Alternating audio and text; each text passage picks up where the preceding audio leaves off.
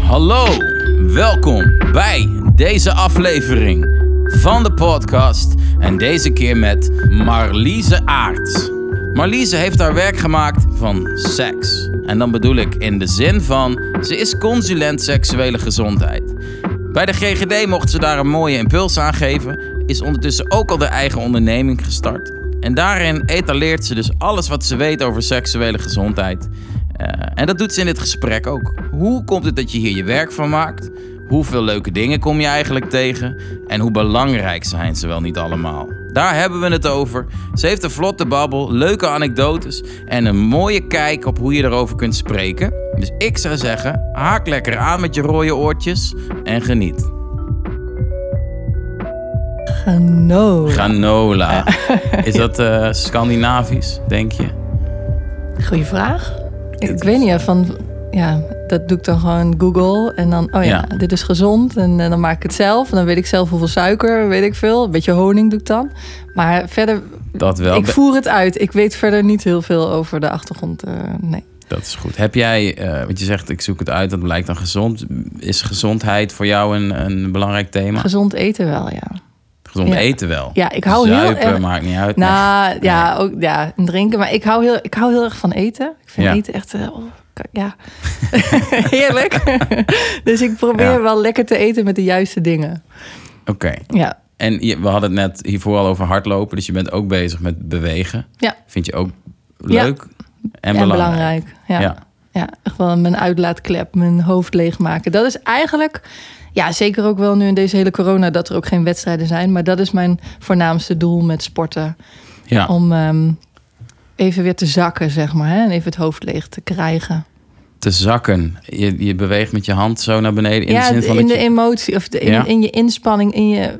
Um, als je uh, ik, heb, ik heb drie kinderen, dus een druk gezin. En ik heb uh, een, een, baan en een praktijk. Dus ja. genoeg te doen. En dan heb ik echt het sporten nodig om even uit die hoge um, ja, activiteit, weet je, weer even terug zodat je ook weer even kan reflecteren. En ja. tijdens het hardlopen heb ik ook altijd vaak goede ideeën, weet je wel. Dan, ah. Dat je echt eventjes uit de situatie gaat. En dan, uh, dus daar gebruik ik eigenlijk het sporten vooral uh, heel veel voor. Een tool om even lekker weer op aard te komen. Ja. Doe je dat dan aan het eind van je dag? Of het begin? Of maak het dat... liefst aan het begin wel. Toch wel, ja. Ja, ja, dat vind ik... Uh, ik ben ook niet zo'n fan van in het donker lopen.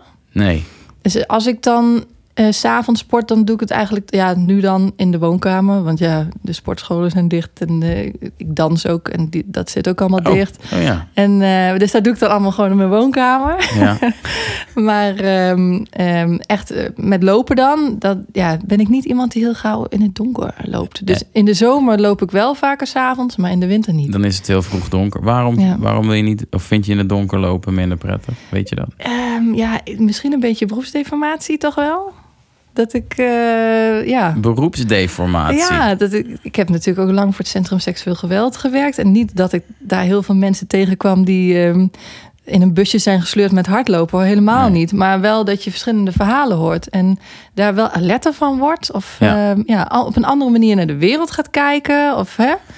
Ja, Dus uh, in die zin denk ik wel uh, dat Ja. het daar wel iets mee te maken heeft. Ja. dat, dat is wel mooi. Eh, denk voor de mensen thuis of in de auto luisteren ze, denk ik. Jij zegt beroepsdeformatie. Jij ge- geeft, daar gaan we lekker op inzoomen zo, nog Ja. veel meer. Maar jij refereert en je geeft voorlichting over eh, onder andere seksuele voorlichting, maar over hoe je verantwoord keuzes misschien kan maken binnen dat soort spectra. Dat gaan Ja, we. ook. En ik vind het ook heel vervelend van mezelf dat ik dat dan niet durf. Want aan de ene kant denk ik van, nou, ik zoek het liever niet op. Ah, doe maar, ik ga morgenochtend wel weer lopen, weet je wel. Ik vind het Ja. niet zo prettig. En aan de andere kant denk ik, ja, wat verdorie. Waarom zou ik het niet gewoon doen? Ja, maar je- want je en zegt- daar zit ja. ik een beetje dan zelf ook tussen te, Ja, ja, op de wip, zeg maar. Maar vind je dan, want je zei beroepsdeformatie in de zin van... ik kan het eigenlijk niet maken om s'avonds te gaan lopen... Want, want ik geef voorlichting waarin ik zeg pas nee, daarmee op. nee, dat nee, niet. nee, nee, Oh, nee, niet op die manier. Nee. Nee. nee, niet op die manier. Nee, niet dat practice what you preach of zo. Want Nee. ik denk ook niet, wat ik preach is ook niet van eh, ga niet in donker naar buiten. Juist, ja. hey, eh, als jij in donker naar buiten wil, dan, dan doe het vooral gewoon. Want verdorie, dat moet gewoon kunnen. Hè? Dus zo, eh, dat is eigenlijk meer de, de boodschap die ik wil geven. Alleen dan merk ik dat ik bij mezelf... ehm, ja, dus ik kan ook heel erg goed begrijpen dat mensen daar misschien denken: ja, ja, makkelijk lullen. Want ik voel het op Ja. sommige momenten ook Ja, zelf. maar dat is dan is dat niet juist een kracht dat je gewoon in contact staat, ook Ja, met die dat je- gevoelens. Ja, Dat je kunt inleven ook. Hè? Ja. Ja. Ik denk dat ik dat wel kan, inleven. En, eh, Ja, ja, ja, vind ik altijd wel heel belangrijk om in de huid te kruipen van degene die tegenover je zit. ja. Ja. Dat- ik denk dat dat. eh, ik ken jou eh, al wat langer en we hebben soms ook samen mogen werken. Ik denk ook dat je dat goed kan. Ik hoop dat ook heel erg als ik kijk naar wat jij voor praktijk hebt. Volgens Ja. mij past het daar heel goed bij. Ja, ik denk dat het essentieel is. Want uiteindelijk, maar even voor de context, ik heb dan een praktijk in seksuele gezondheid. Ja, Ehm, en het allerbelangrijkste, kijk, natuurlijk, het is goed dat je bent opgeleid in de seksuologie. Maar het allerbelangrijkste is natuurlijk dat er een klik is. Hè? En ehm, ja, Ja. daar begint het mee. ja. Ja. En eh, over beginnen gesproken. Hoe kom je op het punt dat je denkt: ik wil eigenlijk vooral me bezig gaan houden met seksuologie? Ja, goede vraag. Ja. Ehm, nou, dan moeten we even terug, hè? Terug in de tijd. En ehm, ik heb eh, zelf de opleiding gedaan als jij, cultureel ja. maatschappelijke vorming. Maar dan, ik deed het in Eindhoven. Hey. Ik ben eh, pas eh, veel en veel later naar. eh, heb jij hem ook in Eindhoven? Nee, nee, maar ik wist helemaal niet dat jij daar. Waar kom je daar vandaan? Ik kom uit de buurt van Nijmegen. Daar ben Ja. ik opgegroeid. En ehm, in Nijmegen kon je ook CMV doen. Maar ik wilde op kamers en naar een andere stad. En Ja, dat werd. Eindhoven. Ik, vond Eindhoven wel tof of zo. Oké. En was ook echt een hele leuke stad om te studeren hoor. Echt Vet. een hele leuke tijd gehad. En dus dus toen ben ik daar gaan wonen. En ik ben pas veel later eh, naar het oosten gekomen. Ah, En ehm, eh, ja, ik cultureel maatschappelijke vorming gedaan. Ik heb, ben nog wel een beetje zoekende geweest. Ik heb zelfs nog een jaartje logopedie gestudeerd, omdat ik dacht dat ik dat heel, heel leuk vond. Maar daar kwam ik al best wel gauw achter dat dat het niet was. nee. En eh, bij- toen kwam ik bij CMV uit en dat was het wel. Dat paste als een jas bij mij. En ehm, eh, ja, toen dacht ik nog dat ik in de ontwikkelingssamenwerking graag iets wilde doen. En ik ben toen in mijn stage ben ik in Zuid-Afrika geweest. Ja. En eh, dat, smaakte, dat smaakte naar meer. Dus toen ik ehm, eh, na mijn afstuderen eh, ben ik eerst een halfjaartje gaan werken. En toen ben ik naar Brazilië gegaan. Ja. En ik moest nog denken. Ja. Ja, precies. Want hè, ik ging natuurlijk een beetje nadenken over, over deze dag en deze podcastopname. Dat ik dacht van. Ja, wij kennen elkaar natuurlijk al best wel lang, maar wel vanuit zakelijk. Maar toen moest Ja. ik ineens denken: jij bent geweest Ja. waar ik heb gewoond Ja. in, in Brazilië. Ja, en uh, Recife. In Recife, ja. Ja. Ja, dus toen dacht ik: oh ja, die link hebben we ook nog een beetje. Ik, ik weet ook niet meer waarom ik. Volgens mij post ik iets en toen zei je, oh, ga je daarheen? En toen heb ik jou om tips gevraagd. Toen heb Precies. je mij nog gekoppeld Ja. aan... eh, En Ikkie. ja, Ja, want dat is echt, dat vind ik. En dat realiseerde ik me van de week weer. Ik, oh ja, maar jij kent Aniki ook. ja, En dat, eh, dat was eh, eigenlijk een beetje mijn, ja, mijn, mijn veilige baken in die tijd dat ik daar woonde. Ik heb daar een half jaar gewoond. En ehm, het was een hele fijne tijd. Maar het is wel, niemand spreekt Engels. Dus je bent heel erg aangewezen op het Portugees. zo. Nou, dat heb ik daar wel echt geleerd. Ik had, Kon, een- kon jij toen je daarheen ging al wel wat Portugees? ik had tien lessen gehad. Dus ik kon een kamer bestellen en Ja, ja, ja. op het terrasje iets, weet je wel. Dus daar hield het dan echt bij op. Nou, dat is wel heel wat. Ja, dus de eerste, weet je wel. Ja. Maar de rest, je leert het daar on the job gewoon. Dat moet, want Ja. niemand spreekt Engels. Dus dat gaat dan best wel snel. Alleen, het is wel heel vermoeiend. En ik had wel Nederlandse huisgenoten, dus dat was heel prettig. Dus elke keer als ik thuis kwam, kon ik gewoon Nederlands praten. En op een gegeven moment ontmoette ik Eniki via, via, via. En ehm, die stond ook buiten het werk wat ik daar deed. Ah, ja. En ehm, eh, had ook in Europa heel veel gewoond. Dus die, die sprak ook heel goed Engels. Dus hij was een beetje mijn veilige baken. Hij was ook een van de weinige Brazilianen die niet opdringerig was. En weet je wel. ja, Dus en toen jij dat zei van ik ga naar eh, Brazilië. En ook met carnaval dacht ik, oh ja, Mm. dan moet jij daar ook even zo'n... ja. Ja, eh, dat is wel prettig. Ja, ja, dat je, precies. Ja, ja. Maar eh Ja, klein maar uitstapje. Precies, we hebben even een uitstapje. Maar in ieder geval, ehm, eh, ja, inderdaad. Dus ik had CMV gedaan, toen ben ik naar Brazilië gegaan. En eigenlijk heb ik in Brazilië best wel veel gezien al. En wanneer het gaat om. ehm, ja, eh, Ja, ongelijkheid mannen, vrouwen. De, de, de- sowieso dat hele land is super interessant. Ehm, wanneer je gaat kijken naar de positie van de man en de vrouw, maar ook best wel schrijnend natuurlijk. Huiselijk geweld heb ik veel gezien, eh seksueel misbruik, dat eh, vrouwen daar met name over vertelden. En ehm, Je, wa- was je daar ook al in die job, zeg maar? eh, Nee, ik, ik, was, ik werkte daar op een ehm capoeira-project. Ah, ja. Ehm, en ehm, ja, ik kwam er als, als maatschappelijk werker of cultureel maatschappelijk werker. En ehm, maar onderaan de streep was ik daar eigenlijk... Ik was het ook niet helemaal mee eens hoor, wat ik daar deed. Eh, omdat ik best wel werd ingezet van... oh ja, ga maar Engelse les geven. Ja, Ga maar, weet je wel, dat ik dacht van ja... maar dat kan iemand van hier ook. En nu concurreer ik eigenlijk een beetje als vrijwilliger... met, met, met een Ah. Iemand baantje... wat juist. iemand van hier heel goed had kunnen doen. Mooi bewustzijn van jou. Ja. Ja. precies. Dus ik ben daar ook wel eh, uit eigen, initiatief een eh, bibliotheek gaan opzetten in dat project enzovoort. Dus die CMV'er in Ja, mij, die ja. zat er heus wel en die kwam er ook daar gewoon uit. En, eh, maar daar werd ik inderdaad wel echt getriggerd door dat, ehm, ja, die seksualiteit en wat dat Ja. Ehm, ja, ook voor negatieve gevolgen kan hebben eigenlijk. ja. En toen kwam ik terug in Nederland. Toen dacht ik, ik weet wat ik wil. Ik wil bij de recherche. Want ik wil... ja, echt. Vet. Want ik wil al die, eh, al die mannen... Had ik toen nog heel erg in mijn hoofd. Al die mannen wil ik allemaal oppakken. En de mensenhandel. En de, weet je ja, wel. Dus ja, zo. En ehm, nou, toen ben ik daar serieus... ehm, ehm, eh, hoe noem je dat? Zo'n zo'n zo'n opleidingstraject. eh, zo'n nee, Ja. zo'n zo'n selectieprocedure Ja, oh ja, ben ik aangegaan. En eh, uiteindelijk ben ik daar, bleek ik daar niet uit het juiste hout nee. gesneden. Dus daar werd dat al best wel snel duidelijk. En achteraf is dat ook, snap ik dat volledig. Mooi leermoment. Ja, dat was een heel mooi leermoment. Maar daar is het dus wel aangewakkerd. Ja. En, ja, het is een eh, vrij heftige, ik wou bijna hyperseksuele cultuur op sommige vlakken. Was mijn indruk. was Als- het ook. Als Ja. je keek naar de, de, eh, de muziek die daar eh, in de top 5 staat, bij wijze van hoe mensen daarover spraken. Dat ik dacht, oké, wij zijn wat preuts, maar jullie gaan wel heel ver. Oud in die open, Ja, alles. echt heel ja. heftig. Ja. En aan de ene kant kon ik het ook wel weer waarderen. En ook zeker hè, het land Brazilië is natuurlijk... Alles is zo onzeker. Hè?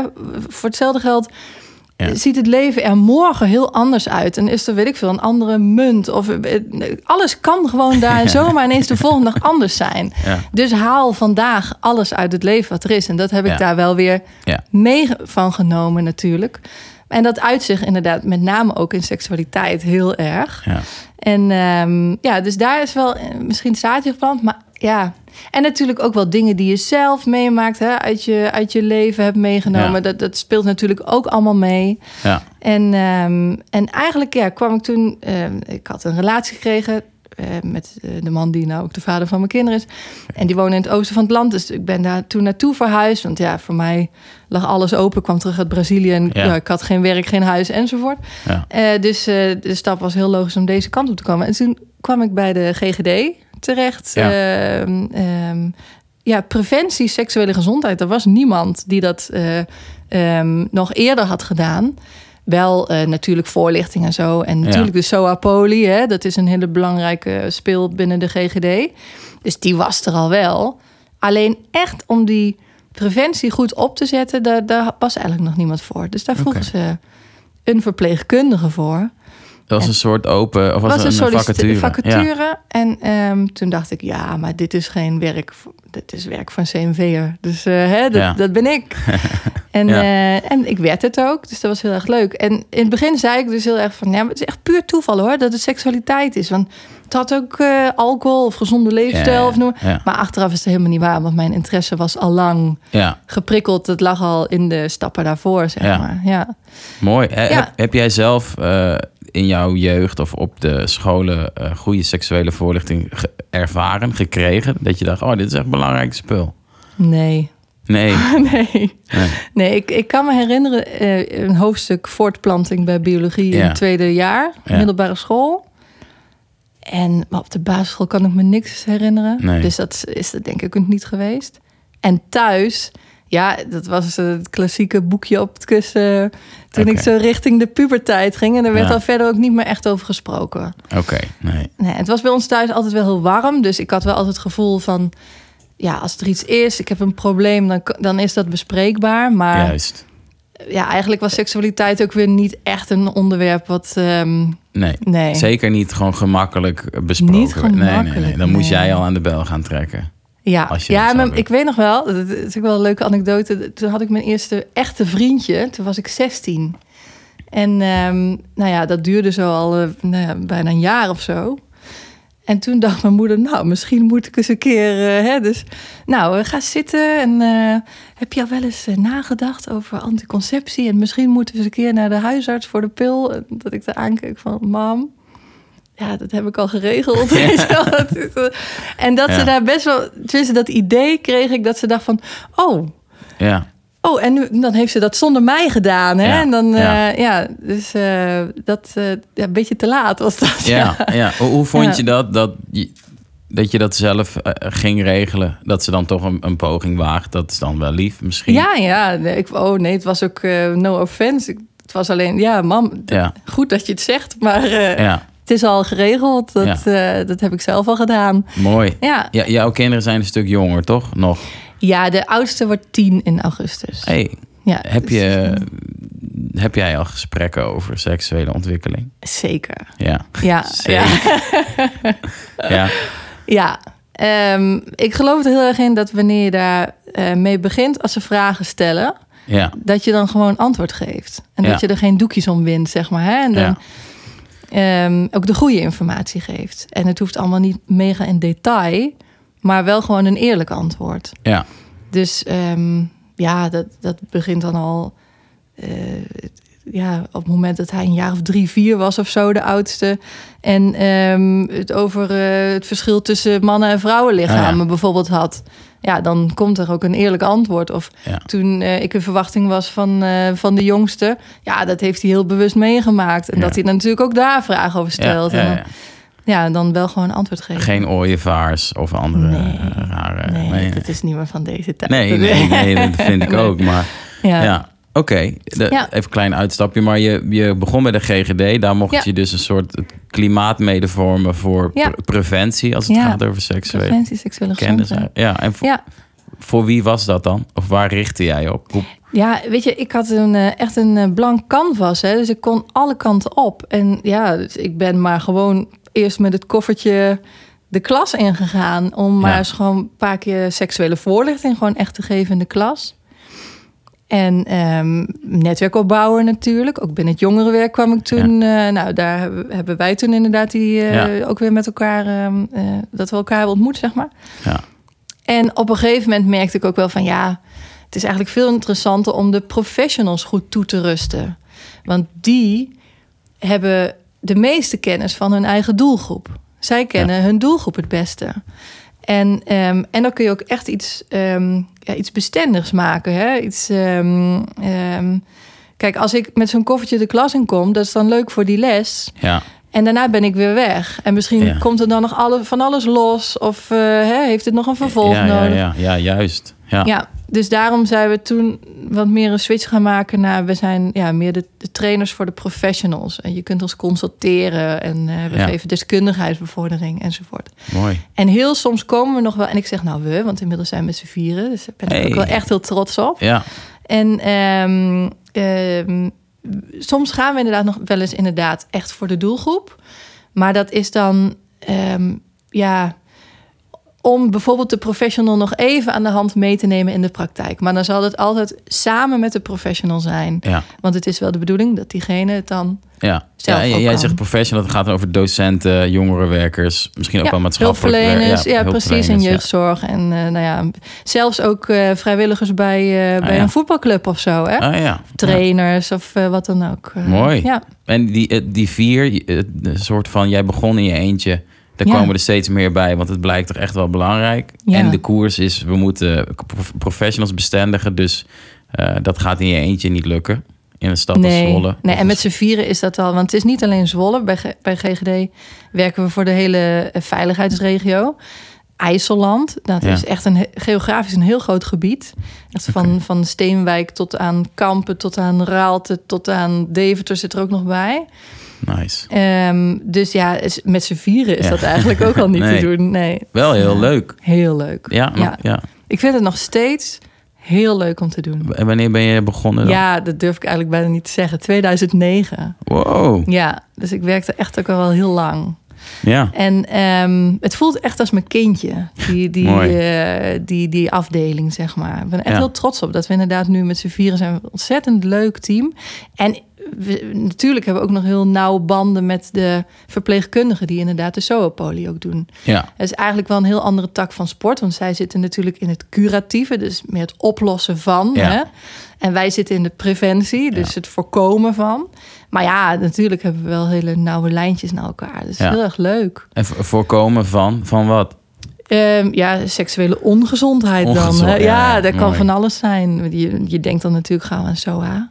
Of onbedoelde zwangerschap. Maar Ja. ook eh, het grensoverschrijdend gedrag Ja, natuurlijk. eh, ja. Ja, we speelt hebben toen, eh, ik vond het echt fantastisch leuk, die periode. Toen heette het Weekend Jong. Dat werd later Ik Ben Van, Ik Ben mij. Van Mij. En dat heet nog steeds. Ja, sterker nog, ik ben nou vanuit Lieve Lust, mijn eigen praktijk, weer Ja. betrokken bij Ik Ben Van Mij. hey, Ja, mooi. dus Ja. het is er nog steeds. En, Ja. ja. Wat ik daarin voor mezelf vond ik het heel verrijkend, omdat ik heel veel met jongeren werkte. Eh, maar ook nu gewoon, eh, als je met iemand spreekt of mijn eigen zoon, gewoon weet, ah ja, er zijn allemaal aspecten. En dat vlaggensysteem over die, eh, die regels. Ja. Dat ik dacht, waarom heb ik dit niet gewoon op de basis of middelbare school gehad? Het is heel, Ja. ja, hoe zeg je dat? Heel toegankelijk, maar ook er zit niet een soort van lading op, tenzij die er aan hangt voor jezelf. Maar ik vond het zo overzichtelijk dat ik dacht, ja, we gaan Ja. de wereld verbeteren. Ja, dit is het. We Ja. hebben het in handen. Ja. Ja, precies. En even voor de context, het vlaggensysteem, dat is eigenlijk een tool die eh, is ontwikkeld om seksueel gedrag te duiden. Juist. Dus je ziet eh, iets gebeuren bij kinderen, want het gaat wel echt van 0 tot 18, zeg maar. Dus je ziet iets gebeuren bij kinderen of jongeren. En je denkt dan als professional, oké, mijn onderbuikgevoel zegt hiervan dat dit niet kan. Ja. Maar dan is het heel moeilijk om dat uit te leggen waarom dat dan niet kan. En het vlagsysteem werkt dan met een zestal criteria ja, die je dan nou ja, langs die situatie kunt leggen. ja, En dan als een van die criteria niet aan de orde is, dan gaat het dus om grensoverschrijdend gedrag. ja. En dan hoe zwaar enzovoort. Nou, dan gaat het nog veel dieper in. Ja, ja, tuurlijk. Maar het maakt het heel ja, duidbaar te duiden eh, om daarop te Ja, reageren. Precies, En pedagogische reactie. Ja. Professionals, maar eigenlijk voor ouders toch ook? ja, ook voor ouders. Ja. En dan, maar dan blijft het vaak wel beperkt eh, tot die zes criteria. Ja, Ehm eh, waaronder bijvoorbeeld zit, is, is, is, er, is het vrijwillig? Is er toestemming? Zijn de partijen gelijkwaardig aan elkaar? Nou, hè, dat soort criteria moet je dan aan denken.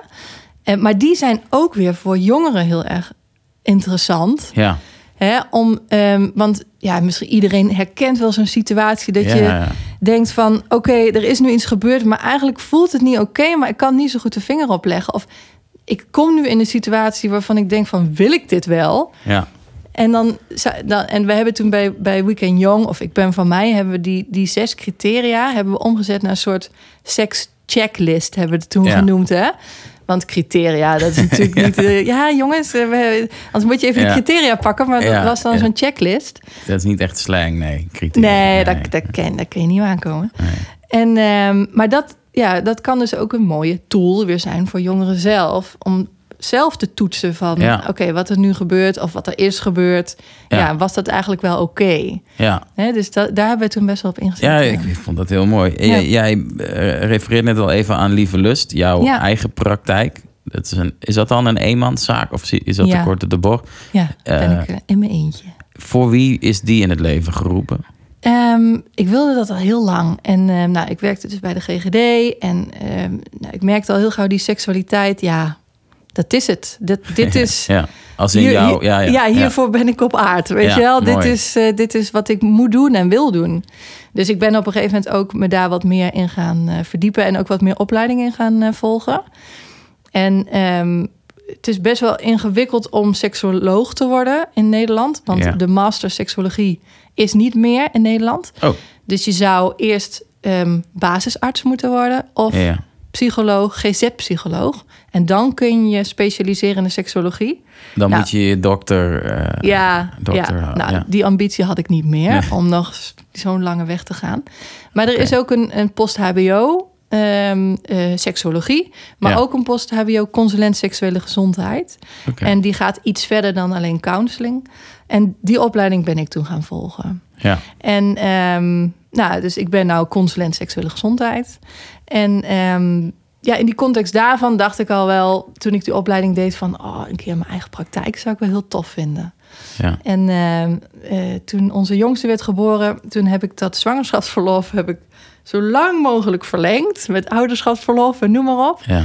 Dat ik wel gewoon eventjes ehm, eh, ja, dat kind kon krijgen en daar tijd weet je wel, voor had. Mm. Maar daarna ook tijd had om iets van een start-up te maken Ja. met een eigen praktijk. En Juist. het is toen eh, gelukt.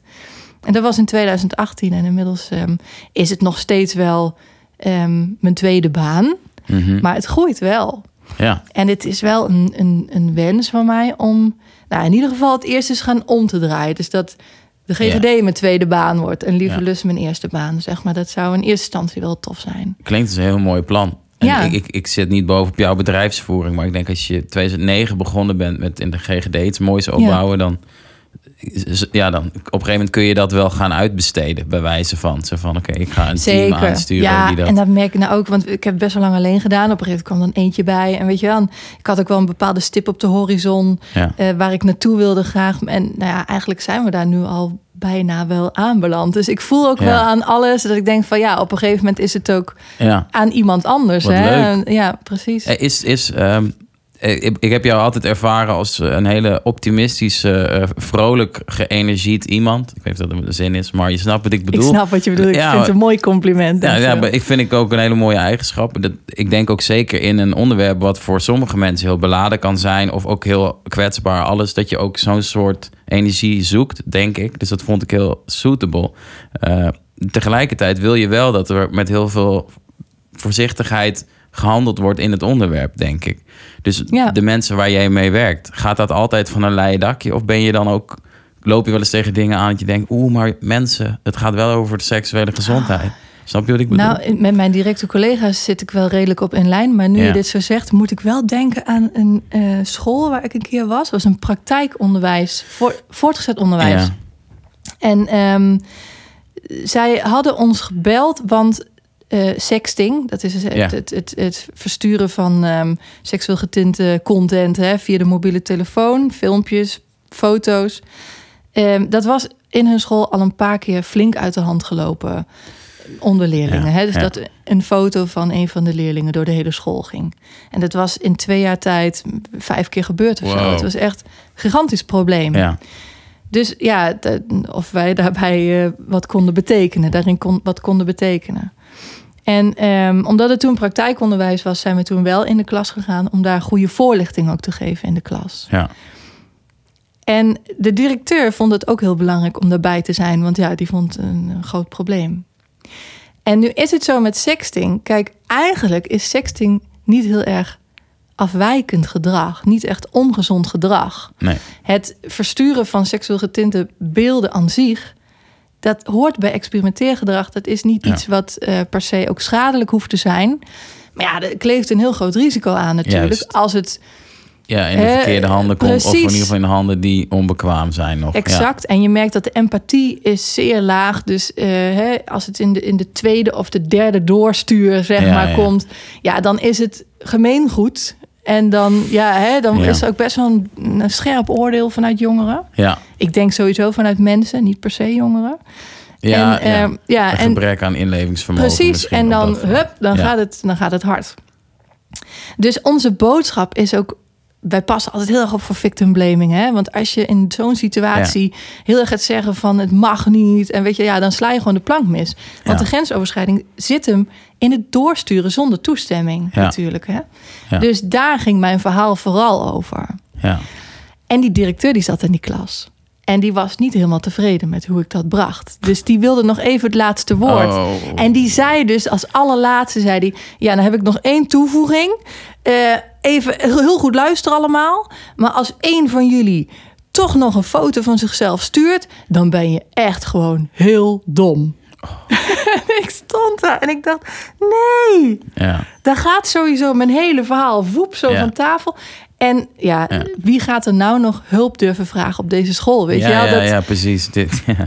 Ja, dus dat, ja, dan denk ik wel van, ja, dit is zo victim Ja. blaming, dit is zo verkeerd. Ja. ja. Eh, Heb jij daarna nog gezegd, ik wil ook nog één ding zeggen? Nee, ja, ik heb wel daarna, eh, Ja. buiten les om nog wel, eh, hè, maar, maar niet, niet in die klas toen. Dat, ik was er ook een beetje van verbouwereerd eigenlijk. Ja, Ja, ja dit, dit- ik, ik begrijp het wel. Ja, er zijn mensen die daar, daarop zitten. En ja, dan, dan gaan ze dat roepen. Ja, en die, die meneer had het uit goede bedoelingen gezegd. Zeker. Hè? Dus dat is ook nog, dat is ook ja, gewoon Ja. gebrek aan. ehm, Ja, hij is waarschijnlijk heel goed in andere dingen. Maar dacht, Ja, nou, als precies. gewoon iedereen stopt met sturen van foto's van zichzelf, zijn we klaar. Wat natuurlijk technisch gezien klopt, maar dat gaat nooit gebeuren. Nee, dat is, de Nee. werkelijkheid is iets weer barstiger wat dat betreft. Hè? Ja. Ja. precies.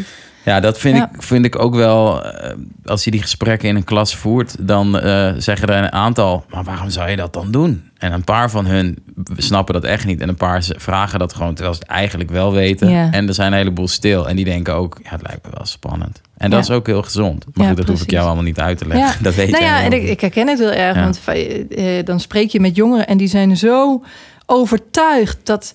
Ja, daar gaat mij nooit overkomen. Hè? En ze, ze, ze menen dat echt stellig. Ja. Ze geloven dat echt Ja, op dat moment. Ja.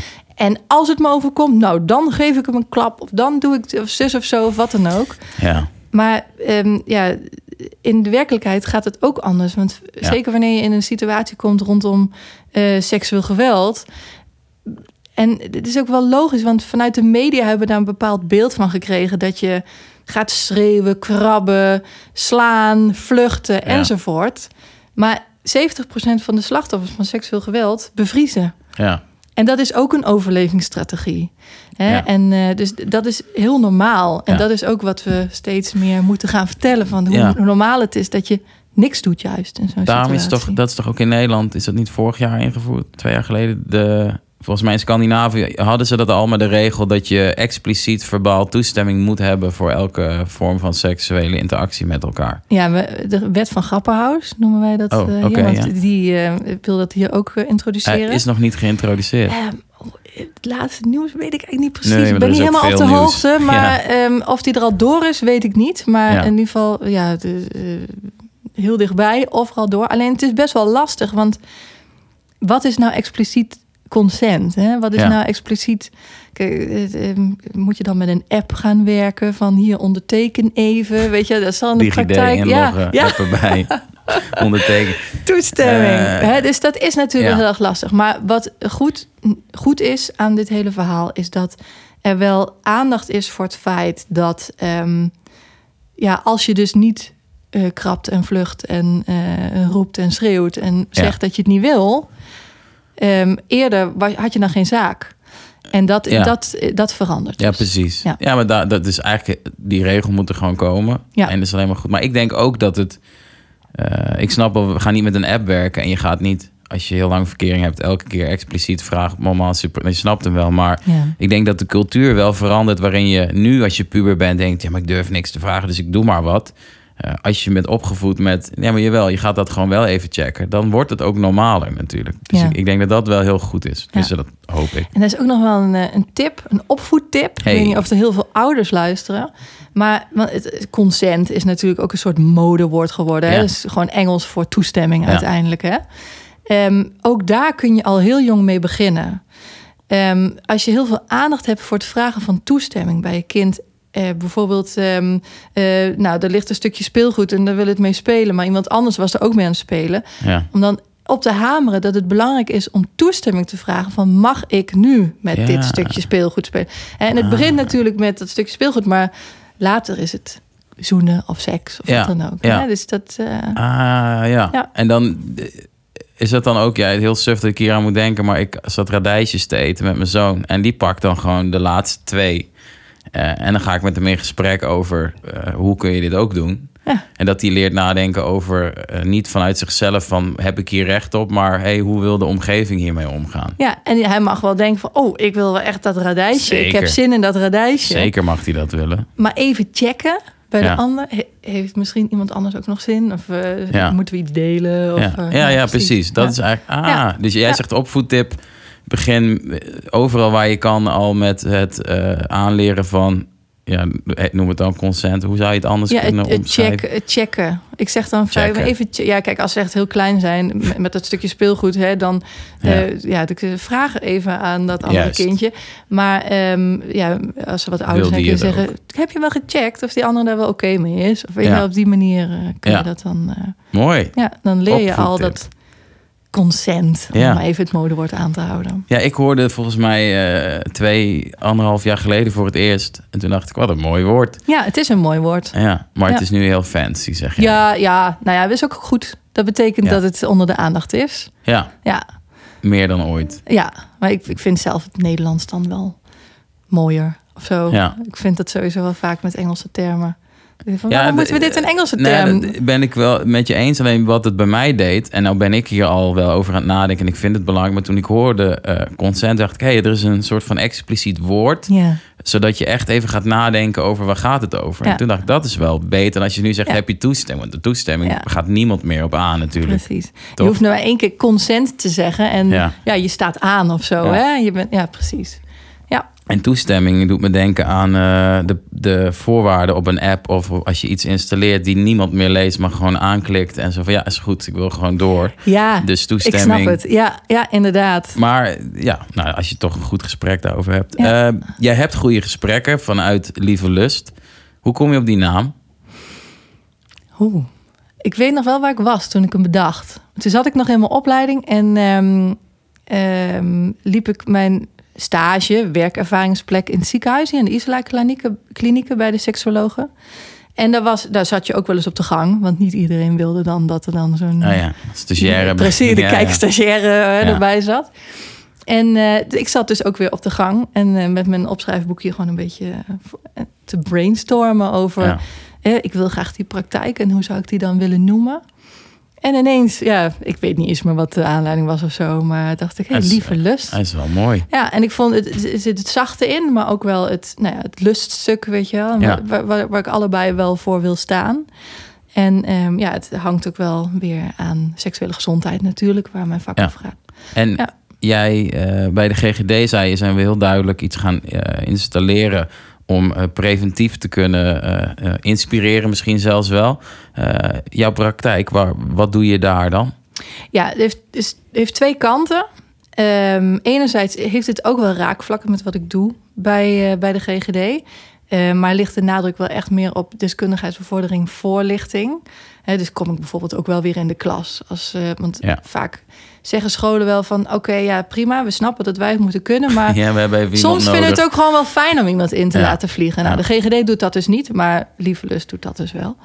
Ehm, en, ehm, en anderzijds is de counseling. Dus dat is meer voor particuliere eh, stellen eh, die Ja. vastlopen in hun seksualiteit. Hè, En dat dus zijn, is dat altijd stellen of kan dat ook een individu zijn? kan ook een individu zijn. Ja, het liefst heb ik natuurlijk met partner, als er een partner is.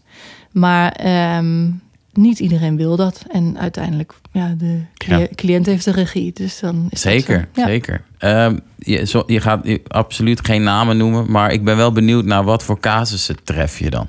Heel divers, want seksualiteit is heel divers. Ja. Ehm, gaat van bijvoorbeeld een stel die te maken hebben gehad met chronische ziekte, of te maken hebben met chronische ziekte, waardoor hun seksualiteit verandert. Ehm, ik heb een keer een heel schattig, bijna 80-jarig stel gehad. Oh, Ja, een prachtig levensverhaal, heel erg mooi. ja. En ja, je seksualiteit verandert met je mee. En ja, die konden niet meer vrij op de manier zoals ze dat tien jaar of, eh, of Ja. twintig jaar geleden deden. Dus heb ik ze geleerd van, nou, hoe kun je nou nog steeds wel op een Oh, fijne manier? Weet je, dat is heel mooi. Maar dat, dat wist jij al, of ben je dat toen gaan uitzoeken? Hoe kun je als je 80 plus bent, voor de mensen die dit luisteren, 80 plus zijn? Ja, het meer, het gaat meer over intimiteit Ja. dan. Hè? En Ja, ja. meer de momenten zoeken voor die intimiteit. En soms ook accepteren dat. Dat het niet Ja. meer kan zoals tien jaar terug. Maar dat je nog wel op andere mooie manieren eh, heel fijn met elkaar kunt vrijen. Wauw. Hè, want vrijen is natuurlijk ook veel meer dan puur penetratie. Seks is meer dan ja, penetratie. hè. Dus dat is ook iets wat ik veel vertel. En ehm eh, wil niet zeggen dat als je 80 bent niet meer kunt penetreren. Maar soms is dat gewoon zo. Ja, En eh, deze mensen deden bijvoorbeeld middagdutjes. En nou, dan Samen, hebben ze. ja. Ja, en dan Oh, konden ze dan op zo'n moment, weet Ja. je wel. Dus ehm, in plaats van s'avonds als je back af was. Hè? Ja. Dus het gaat ook vaak om welk moment kies je op de dag. ja. Dus dat, maar ook ehm, eh, erectieproblemen of eh, pijn bij het vrijen of negatieve ervaring hebben gehad en nu dus vastlopen. ja. Ehm, ja, bepaalde con- eh, conservatieve opvoeding hebben gehad en vastlopen. ehm, ja, erachter komen dat je misschien wel een seksuele voorkeur hebt die niet helemaal binnen de norm past. En hoe ga je daar dan mee om? Ja, Hè, dus dat Mooi. soort, dat soort dingen. Ja. echt mega divers. Heel divers. Heel En- leuk.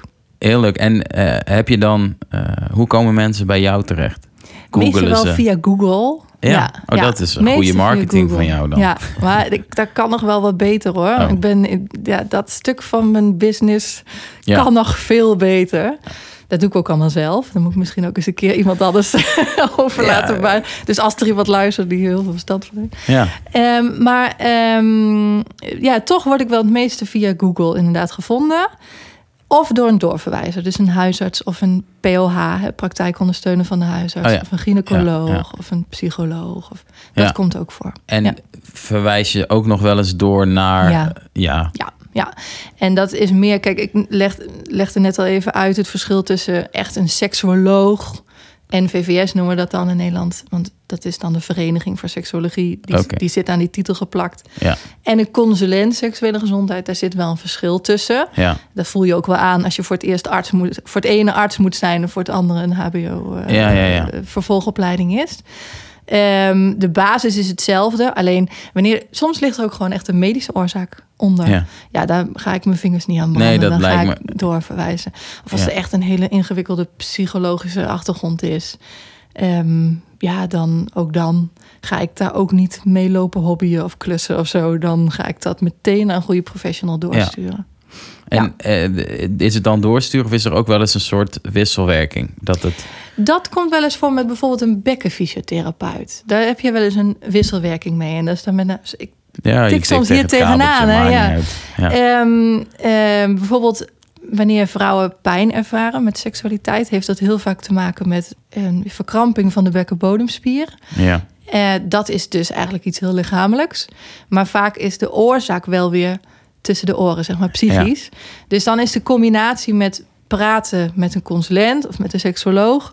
En ja, de oefeningen bij de bekkenfysiotherapie kan een hele mooie gezamenlijke ja. behandeling Ja. zijn, zeg maar. Ja. Er is een, eh, een aflevering of wat geleden eh, Ja. die ik met Lieke had over vaginisme. Is dat een vorm van eh, wat jij noemt bek, bekkenbodemaanspanning? Ja, precies. Dat kan daar inderdaad mee te maken hebben. Ik heb die aflevering ook geluisterd. Ja. hoe vond je dat? Mooi. Ik vond Ja. dat zij op een... eh Lieke die praatte daar op een hele mooie, integere, Ja, open manier over. Ja. Echt eh, heel bewonderenswaardig vond ik. Ja, heel mooi. Ja. ja. Dat, dat vond ik dus ook. Eh, maar dat, en daarom had ik haar ook uitgenodigd. En, en jou ook wel, omdat ik dat ook bewonder dat je zo... ja, kijk, ik heb dus geen seksuele voorlichting gehad. En zelf helemaal geleerd van mag je erover praten? Hoe ga je erover praten? En je proeft om je heen altijd wel mensen aan mensen van... hey, ik vind het ook beladen of niet. Eh, dus mensen die daar gewoon voor over spreken of zelfs hun werk van maken... dat Ja. vind ik heel inspirerend. Want ik vind het heel goed en heel logisch... maar toch is het best nog wel bijzonder, in a way. Het is zo essentieel onderdeel van het leven. Ja, Maar toch wil Ja. niemand erover praten. Ja, dat- ja, nou ja, volgens mij wil iedereen er heel veel over praten. Alleen, of heel veel over weten. Dat maar ook. het is super spannend. ja, en ik... en privé. Dat is vaak denk Ja. ik ook wat mensen bang voor zijn. Ja, Het is een privé-onderwerp. En dat Ja. hoor ik ook wel terug van docenten bijvoorbeeld. Die, dan zeggen ze, ja, maar ja, mijn leerlingen zitten er echt niet op te wachten... dat ik met hun over seks ga praten. Maar dat komt omdat dat is een Volwassen- overtuiging. Ja. ja, volwassenen seksualiseren seksualiteit. En als ik dit zeg, dat, dat klinkt heel stom. Maar ehm, de focus ligt dan zo op die eerste vier letters seks. Terwijl Ja. seksualiteit is zoveel breder. Het gaat ook over Ja. identiteit en je veilig voelen. En eh, dus het gaat Ja. zoveel breder. ja. En dat, ehm, ja, die scope is te nauw of zo. eh, Ja. Puur op dat seks. Ja, en jij zegt ze seksualiseren seksualiteit. Misschien, dat is aan mijn interpretatie. Wij eh, voelen een soort lading op dat woord seks. En Ja. die, dat zeg maar ongemak of dat gevoel, dat, dat laat je dan zien richting de puber waarmee je praat. Dus die denkt dan ook gelijk, Ja, wow. die prikken daar meteen doorheen. En die voelen zich ook meteen awkward. Om Ja. ook nog maar weer eens een term erin te gooien. ja, maar, en dat snap ik. Ja, Ja, dat, Ja, dat, is ook heel, dat voelt ook heel ongemakkelijk. Dus Ja. het is ook wel, ja, hoe breng je het dan? en, en ik, ik weet niet of je daar iets van vindt, maar eh, jij beweegt je wel in het, eh, eh, in het veld wat daar dus iets aan wil veranderen. Ja. Vind je dat we meer open moeten worden of minder preuts? Of, of zeg je nee, iedereen moet het lekker doen zoals het nu gaat, alleen ik wil daar wel af en toe voorlichting over. Vind je daar iets van? Ja, weet je, ik denk dat een heel groot gedeelte gewoon heel goed gaat. Hm. Ehm, maar ehm, ja, ja, ik zie ook veel om me heen.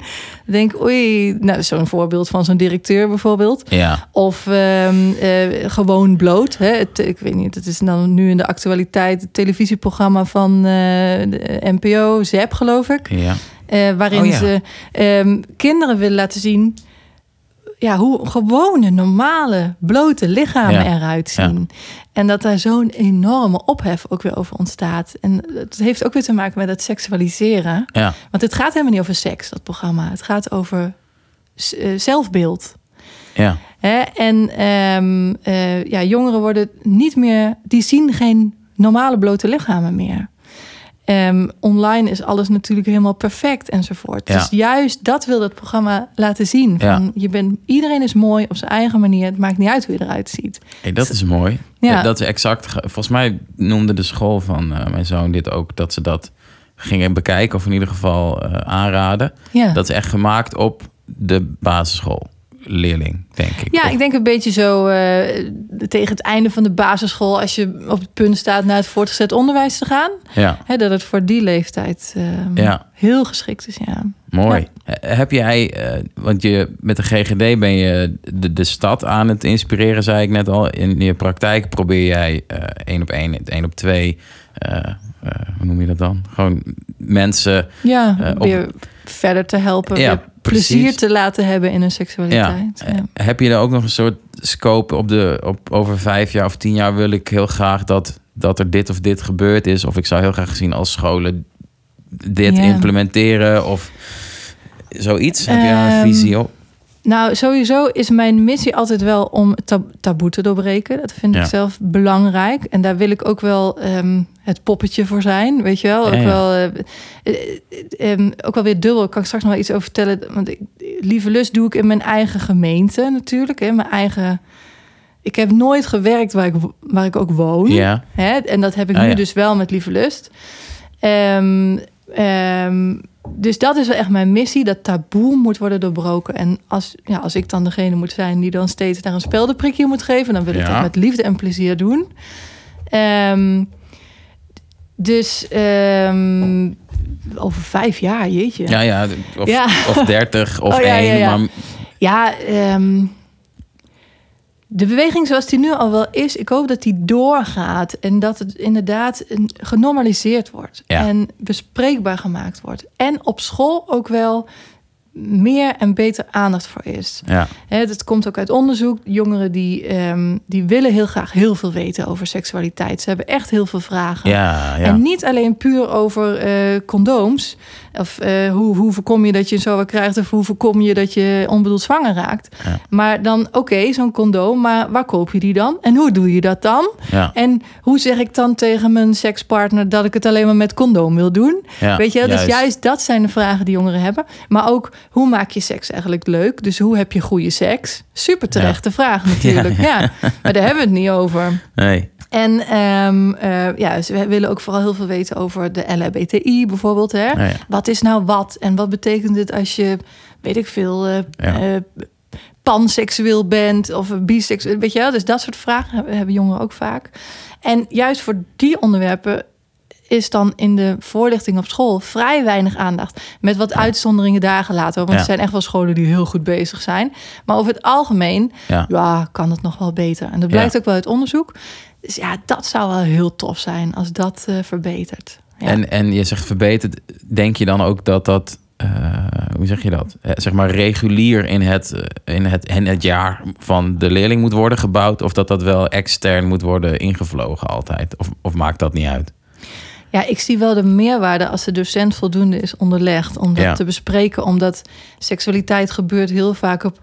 Of aandacht voor seksualiteit is heel vaak nodig op men- momenten die niet te plannen zijn. Ja, Omdat je heel veel haakjes hebt overal. Er gebeurt iets in ja. de klas. Er gebeurt iets in een groepsapp. Ja. Nou, eh, er gebeurt iets eh, in de media rondom eh, eh, eh, acteurs die een jongen van 12 uitdagen om zijn piemel te laten zien. Weet je wel? Dat zijn allemaal momenten die perfect zijn om op school dit thema bespreekbaar te maken. En daar kun je niet altijd regelen of regisseren. Hè? Daar, daar, juist. ja.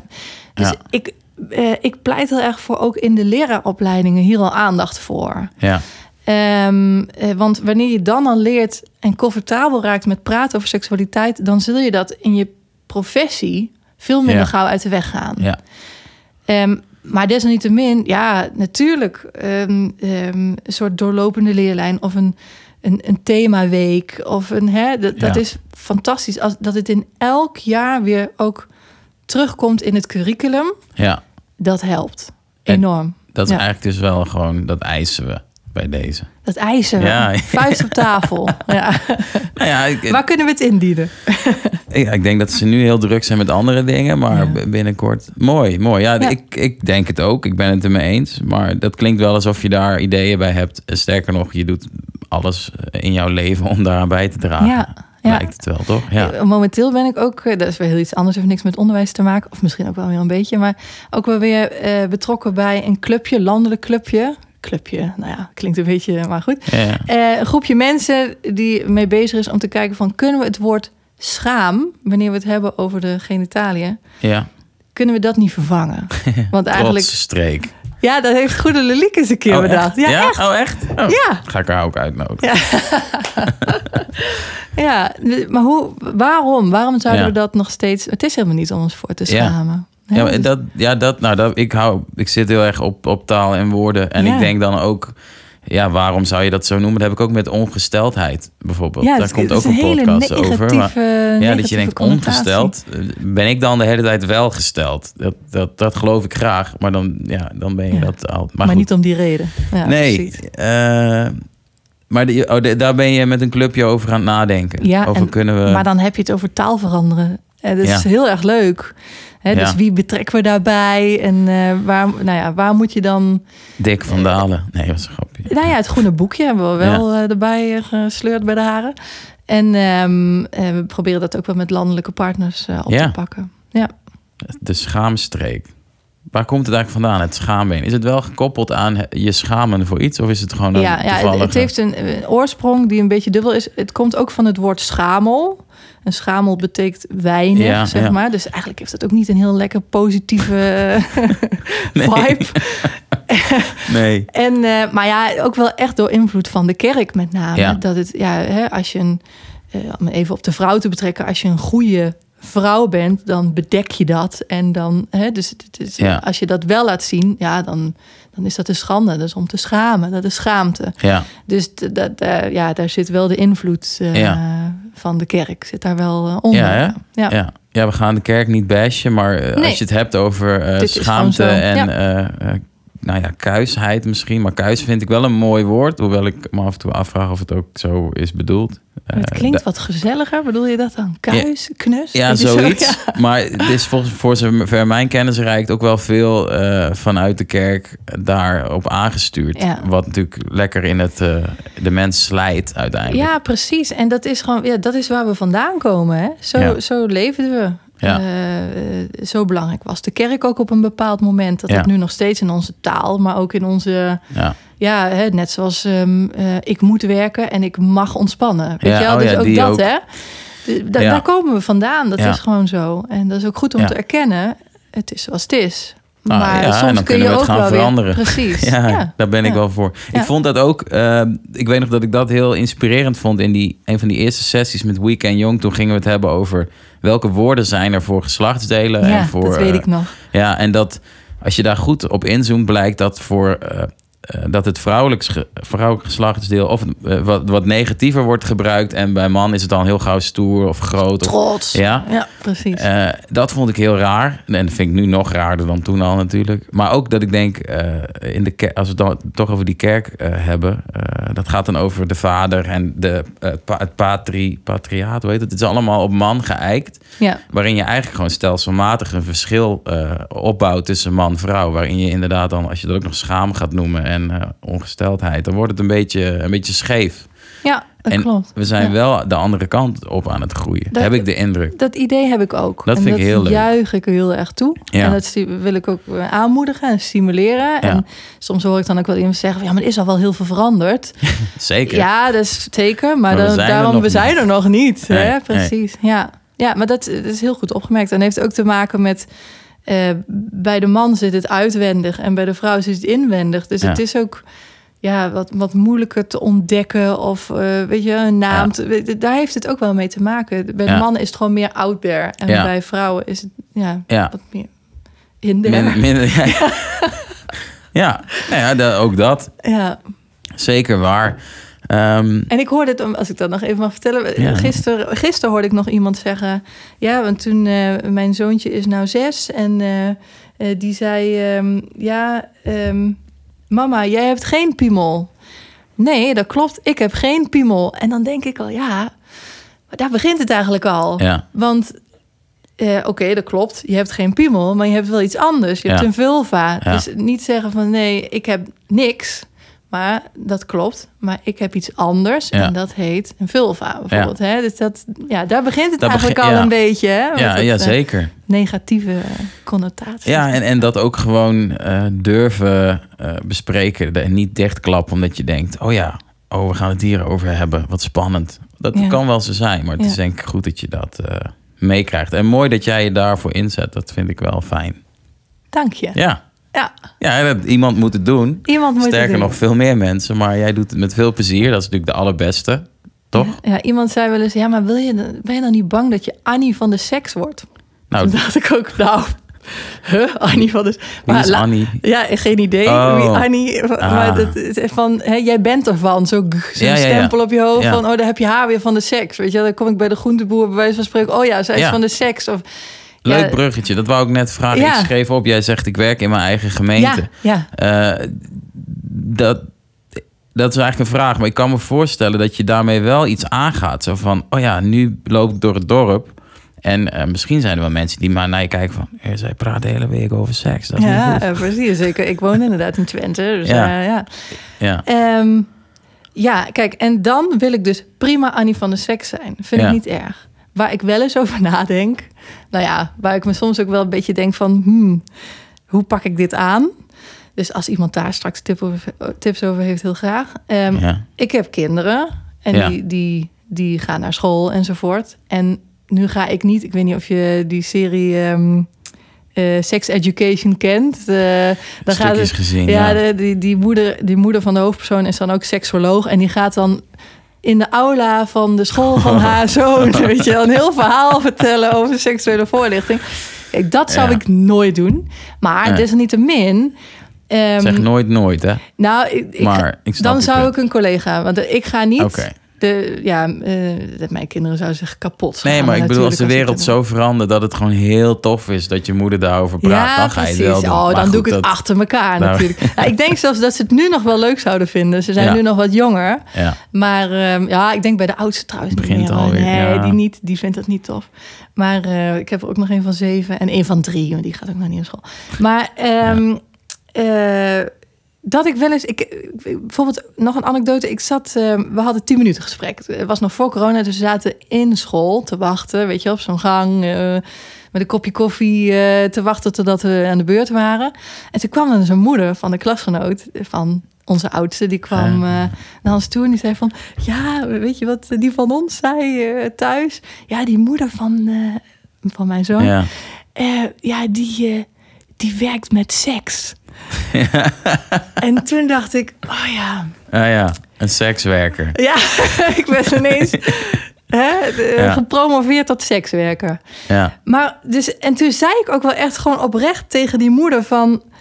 ehm, ja, dit, hier ben ik toch altijd wel een beetje bang voor. Van, ja, zou die er ooit mee gepest worden? Of, Ja. hè? ja. En zij verschoot er een beetje van. En zei ze van, oh nee, maar hij bedoelde het juist stoer. Hè? Ja. Niet eh, van eh, eh, die, die moeder, weet je wel. Ehm, maar, ehm, maar dat zit er soms wel eens in mijn hoofd. Van, ja, als mijn kinderen er maar niet mee gepest worden. Weet je zo. Ja, nou, jij zei, hij zei niet voordat je hierover begon... als iemand hier tips over heeft, graag? Ja. het- ja, nou, ik weet niet of ik er een heb, maar ik zou wel zeggen, wees vooral heel trots daarop. Want ik denk Ja. dat dat ook is wat, die dan, dat, wat ze het meest gaan meepikken. En die halve jongen die eh, het thuis wat lastig heeft en dit aangrijpt om lekker mee te pesten. Ja, laat hem dat dan maar doen. Eh, Ja, precies. Ik denk Ja. dat vooral, ehm, kijk, eh, wat de omgeving doet, heb je geen invloed op. Nee, Maar ik heb wel invloed op wat voor boodschap ik mijn kinderen meegeef. ja, Hè, dus daar zal ik altijd, ja, ehm, ja, ik zal nooit mijn, mijn werk eh, bagatelliseren of, of denigerend Mhm. over doen. Of mooi. weet je, eh, juist omdat ik heel erg trots ben op Ja. wat ik doe. Ja, ja, en, en wat jij ook heel mooi zei, het gaat, eh, het gaat er eigenlijk ook over leefstijl of over zelfbeeld. ja. En een onderdeel daarvan is je seksualiteit en de Ja. seksualiteit van de wereld. ja. Dus daar mee in contact staan en daarover durven praten is gewoon fantastisch eigenlijk. precies. Ja. Eh, Er open over blijven. ja, ja. Ik heb nou eh, een van mijn collega's bij de GGD in eh, mijn team. Die heeft ook een moeder die seksoloog is. Dus ik heb het daar natuurlijk met haar ook wel over gehad. Zij Ja. is nu 28 of zo. En zij zei van ja, er is wel echt een periode geweest dat ik me echt daarvoor schaamde. ja. Maar nu vind ik het heel tof. Ja, Ja. sterker nog, ze werkte nu zelf ook in het werkveld. hè? ja, ja, vet. Dus, eh, ja, dus ik hou me gewoon maar voor dat er echt wel een periode komt dat ze zich ervoor gaan schamen. Maar ja, zo so be it dan. ja, prima. Je hebt Ja. daarna wel seksueel gezonde kids. Nou, dat hoop ik toch. Daar gaan we wel van uit. Of het is echt beroepsdeformatie. Maar dat, Ja, dus een schilder die zijn eigen huis ook niet heeft geschilderd. dat zou het zijn. Ehm, en nog even terug naar eh, het werk in je eigen gemeente. ja. Moest je daarvoor voor- over een drempel? Of had je een soort van... Oké, kijken wat er nu gebeurt? Of eigenlijk Nee, niet? maakt me niks uit. Want Nee. ik, ben ook, ik kom ook niet daar vandaan. Dus, Nee. eh, ik woon daar, maar ik, ben niet van daar Je bent zo. toch al niet geaccepteerd. Nou ja, ik ben toch een beetje een outsider. nou, ik denk dat dat wel meevalt. Maar ehm, nee, nee, Nee. nee, dat maakt me niks uit. Daar heb ik geen moeite mee. Heb je, is dat een soort ehm, eigenschap die je altijd hebt gehad? Dat je gewoon lekker je ding doet. Denk en wel, niet ja. heel vatbaar bent voor wat men ervan vindt. Nee, ik ben opgegroeid in een heel klein dorp. En ehm, echt 3000 inwoners, net onder, onder Nijmegen. Mhm. Ja, ik was nooit bezig met heb je het al gehoord van die en die. En ik hoorde ook altijd dat het boeide me niet. En ehm, ook wat anderen van, ja, ik, ik wil wel graag aardig gevonden worden. Tuurlijk. Dat heb ik wel. Dat, Ja. Maar niet, ehm, eh, wat zullen ze van me vinden wat ik doe voor werk? Of ehm, Nee. juist vind ik het heel erg leuk om buiten mijn comfortzone te gaan. Of weet je wel, eh, Ja, niet per se het pad wat verwacht wordt, maar dan sla ik even af. Weet je, dus daar, Ja. dat heb ik altijd wel gehad, ja. ja, Ja, lekker. En dat past dan ook goed bij wat je nu doet. ja dat denk ik wel. Voor de mensen die dit wel, eh, wel spannend of lastig vinden. Ja. Ja, het is ook soms wel spannend. Ja? Tuurlijk. Ja, ja, oh, maar dat, ja. met, om dan zo'n afslag te nemen bijvoorbeeld. ja. Maar dat is dan ook wel weer de uitdaging. Of wat het dan leuk maakt of zo. ja. Ja. Heb je, ik denk het niet, want je vindt het heel leuk, maar wel eens gedacht... Misschien heb ik alles over seksualiteit al wel een keer gezien of uitgelegd Of Ik- gezegd. of gezegd. ja. Misschien wil ik toch eens eh, iets met boekhouding. Nee, Nou ja, dat niet. Dat zou niet goed komen, denk ik. Maar iets dat je dacht, goh, zijn er andere thema's waar ik misschien naartoe wil? Of is dit gewoon echt... ja, tot de dood? ehm, nou, tot de dood. Ik denk wel dat seksualiteit... Nou ja, ook, eh, Je weet het niet. zoals de hypotheekadviseur zat te zeggen... ik heb geen glazen bol.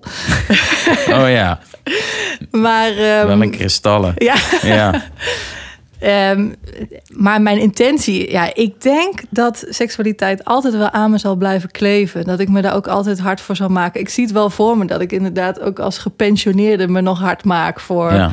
Of weet ik veel, vanuit feministisch oogpunt. Er, hè? Dat, dat kan ik me heel, dat zie ik me zo doen. ja. Ehm, ehm, en ja, mijn praktijk vind ik het aller, aller, allerleukste. Dus voor Ja. dit moment weet ik zeker dat dat blijft nog wel. En dat is ook denk ik Ja. wel de re- de reden waarom ik nog steeds ook bij de GGD en die, ik vind die, die functie zo leuk. En het wereldje is best wel klein, dus heel veel alternatieven om met seksualiteit van seksualiteit echt je vak, weet je wel, seksuele gezondheid echt Ja. je vak te maken. Is er ook niet echt. Hè? Ehm, ja, er zijn nog wel landelijke organisaties, maar ehm, meer in deze contraien dan zeg Ja. maar. Dus ik wil heel graag met dit thema bezig zijn. ja. Ehm, desalniettemin merk ik wel, ik doe nu bijvoorbeeld ook een cursus of een opleiding eh, voor keuzehulpverlening bij onbedoelde zwangerschap. En dat Hey. ja, linkt natuurlijk Ja. wel heel, erg- heel erg weer aan seksualiteit. Dus iemand raakt onbedoeld zwanger, komt eigenlijk in een dilemma. Ik weet Ja. echt niet wat ik moet doen. Nou, dan kun je dus, dat is ook vanuit de GGD, kun je een gesprek aanvragen met een keuzehulpverlener. En eh, die geeft geen advies, uiteraard. Nee. Maar eh, begeleid je wel. Kan je even ja, sowieso goede informatie geven Ja. over alle verschillende opties die er zijn. En je daar ook in, dat is eigenlijk een beetje de kunst om je te laten inleven in elke situatie. En wat voel je daar dan bij? Ja. En dan met, met die rugzak Mooi. kun je dan je keuze gaan maken. Ja. En nu kom ik er dus achter dat, oké, dus dit is er wel volop. Dat is fijn, dat is mooi. Ook gewoon kosteloos toegankelijk, dus voor iedereen enzovoort. Dat is mooi. Alleen de nazorg is echt nog schrijnend, echt minimaal. Ja. Er zijn een paar psychologen die hebben zich wel eh, gespecialiseerd in ehm, ja, verwerking na abortus of na miskraam of wat dan ook. Ja. Maar ja, het is echt heel dun bezaaid. Dus dan, dat heb ik in mijn hoofd. En misschien ook wel, ik ben ook ervaringsdeskundige op het gebied van eh, verlies en zwangerschap. Ja. Eh, dus niet dat ik daar nog. ehm, het, het, het staat me niet in de weg, maar juist geeft het me intrinsieke motivatie dat ik denk van, ik kom er nu achter, oké, daar ligt een enorm gat. Ja, daar wil ik Ja. dan opvullen of zo. En Ja. natuurlijk raakt het ook wel weer aan seksualiteit, maar ik ga het dan natuurlijk dan niet hebben over seksologie. Hè, dat is wel weer echt iets anders, waar ik ook wel weer een opleiding voor zou gaan doen enzovoort. Ja. Dus in die zin Ah. denk ik wel breder. Ja. Ehm, maar ik denk dat ja, de seksualiteit altijd wel de kern zal ja. blijven. En als ik jou zo hoor, dat het is eindeloos aan, eh, aan zijtakken die daar nog te maken zijn. Die ook. Ja. Ja. Seksualiteit is zo breed, zo eh, dynamisch ook. Ja, ja. Ja. mooi. Ja, Wauw. Ehm, ik had net een vraag, nu ben ik hem toch kwijt. had je toch even ja, ja, maar ik zat zo aandachtig te luisteren. Eh,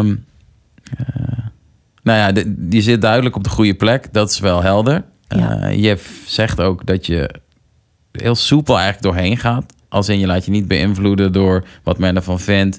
Of eh, hoe de stad erbij ligt. Want als het een nieuwe functie is, dan stampen die ook wel uit de grond. Je Ja. gaat ook gewoon eh, je eigen consults eh, invullen. Ja. Je doet nu ook een opleiding, zeg je net toch? Begrijp ik goed? Neig je wel eens naar misschien dan toch die seksuoloog worden? Of zeg je nee, dat gaat gewoon... Hoi. Ja, ik, niet via de weg in Nederland met ehm, eerst arts worden of geen want, dat, is- want psycholoog. dan moet je nog tien jaar naar Ja, dat school echt- of zo. Of ja, dat dat- dertien. Dat, eh, ik zou niet weten Heel hoe lang. en wanneer. Nee. Dat, pff, nee. Ja, als je kinderen misschien allemaal 18 plus zijn. precies. Dat dan Ik, denkt, ja, maar dan, ik zou nog wel eens een keer. Ik, ik vind het dan wel mooi. Ik ben begonnen op de MAVO, toen MBO, toen HBO. Het lijkt me nog wel een keer heel tof. Maar dan echt ook voor mezelf Ja. om nog een keer wel een wetenschappelijk onderwijs te doen. Later Ja, ja. als ik groot ben. Voor je ego of voor... Nou ja, ik denk het wel ook een beetje voor mijn ego. Maar ook eh, ja, om, voor, ehm, voor- om het cirkeltje rond te maken of zo. ja. ja. ja. Maar dan krijg je weer... Oh, dan moet ik ook dokter worden. Nou, nou ja, nou, weet ik dan, niet. eh, nee, weet ik Misschien wel, niet. waarom niet?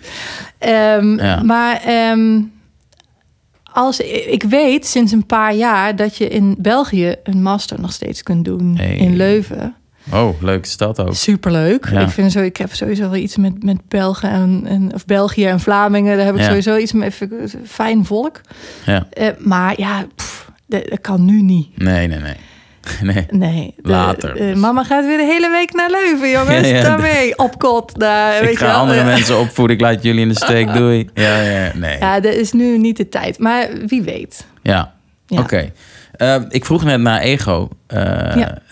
Denk je, wat voor invloed heeft ego op, op iemands seksleven? Of op, Ik denk dat ego vaak in de weg staat. ja, leg, leg eens uit. Ehm, ja, ik zie nu natuurlijk allemaal mensen, allemaal mensen voor me uit, Ja, uit mijn spreekkamer. ja, Ehm, ja, ego staat in de weg bij het voelen. mhm. Ehm, eh, voor, sowieso voor jezelf. Of om, als je een bepaald beeld hebt van iets waar je zelf niet aan voldoet, hè, Mhm. dan kan dat eh, ja, voor een enorm intern conflict zorgen. ja, En ook voor hoe je naar je partner kijkt.